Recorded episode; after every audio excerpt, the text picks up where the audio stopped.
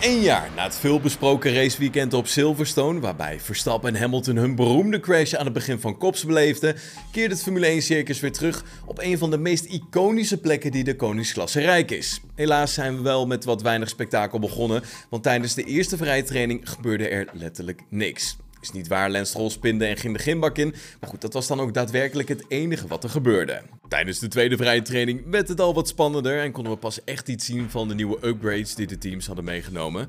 Om de florometers goed te maken stormden alle coureurs direct het asfalt op. Drie verschillende bandencompounds kwamen eraan te pas, want ook qua oefenprogramma's moest er het een en ander ingehaald worden. Ja, door drukte op de baan kwamen veel rijders elkaar tegen, maar desalniettemin werden er in het eerste kwartier veel snelle runs verreden. Russell had voornamelijk wel last van het verkeer, maar goed, het was best wel een leuke tweede sessie om te zien omdat veel teams lange runs maakten.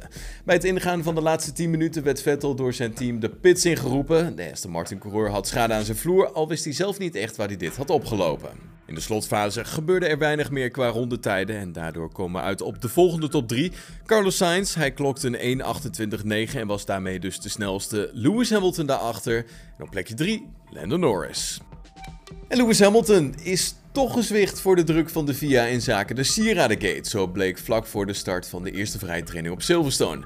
Hamilton verscheen zonder neuspiercing op het circuit en voldeed zodoende aan de eis van de Autosportbond, die coureurs verbiedt sieraden te dragen tijdens een racesessie. In de Mercedes garage werd Hamilton door een cameraman in beeld gebracht. Ja, daar was duidelijk te zien dat hij zijn neuspiercing had verwijderd. Hamilton leek dus geen risico te willen lopen richting zijn thuis Grand Prix voor eigen publiek. En de Formule 1 experimenteerde tijdens de eerste vrije training en misschien heb je het zelf ook wel gezien met de zogeheten pedaalcamera. De eer was aan Lando Norris om op vrijdagmiddag zijn voetenwerk aan het grote publiek te laten zien. Niet alleen de Formule 1 heeft een upgrade gemaakt, ook de teams hebben natuurlijk upgrades meegenomen. Zo heeft Mercedes onder meer een nieuwe vloer, Ferrari nieuwe spiegels, Red Bull een compleet andere motorkap en Williams gloednieuwe sidepods. Dit samen met een andere vloer vormen de eerste serieuze upgrades van de Williams van dit jaar. Verder op de grid zien we Alpine die wat bodywork upgrades heeft gedaan en McLaren heeft een aangepaste achtervleugel speciaal voor Silverstone. Heb je genoten van deze aflevering? Laat je dan horen op onze Apple Podcast pagina of vergeet ons niet te volgen op Spotify. Tot dan.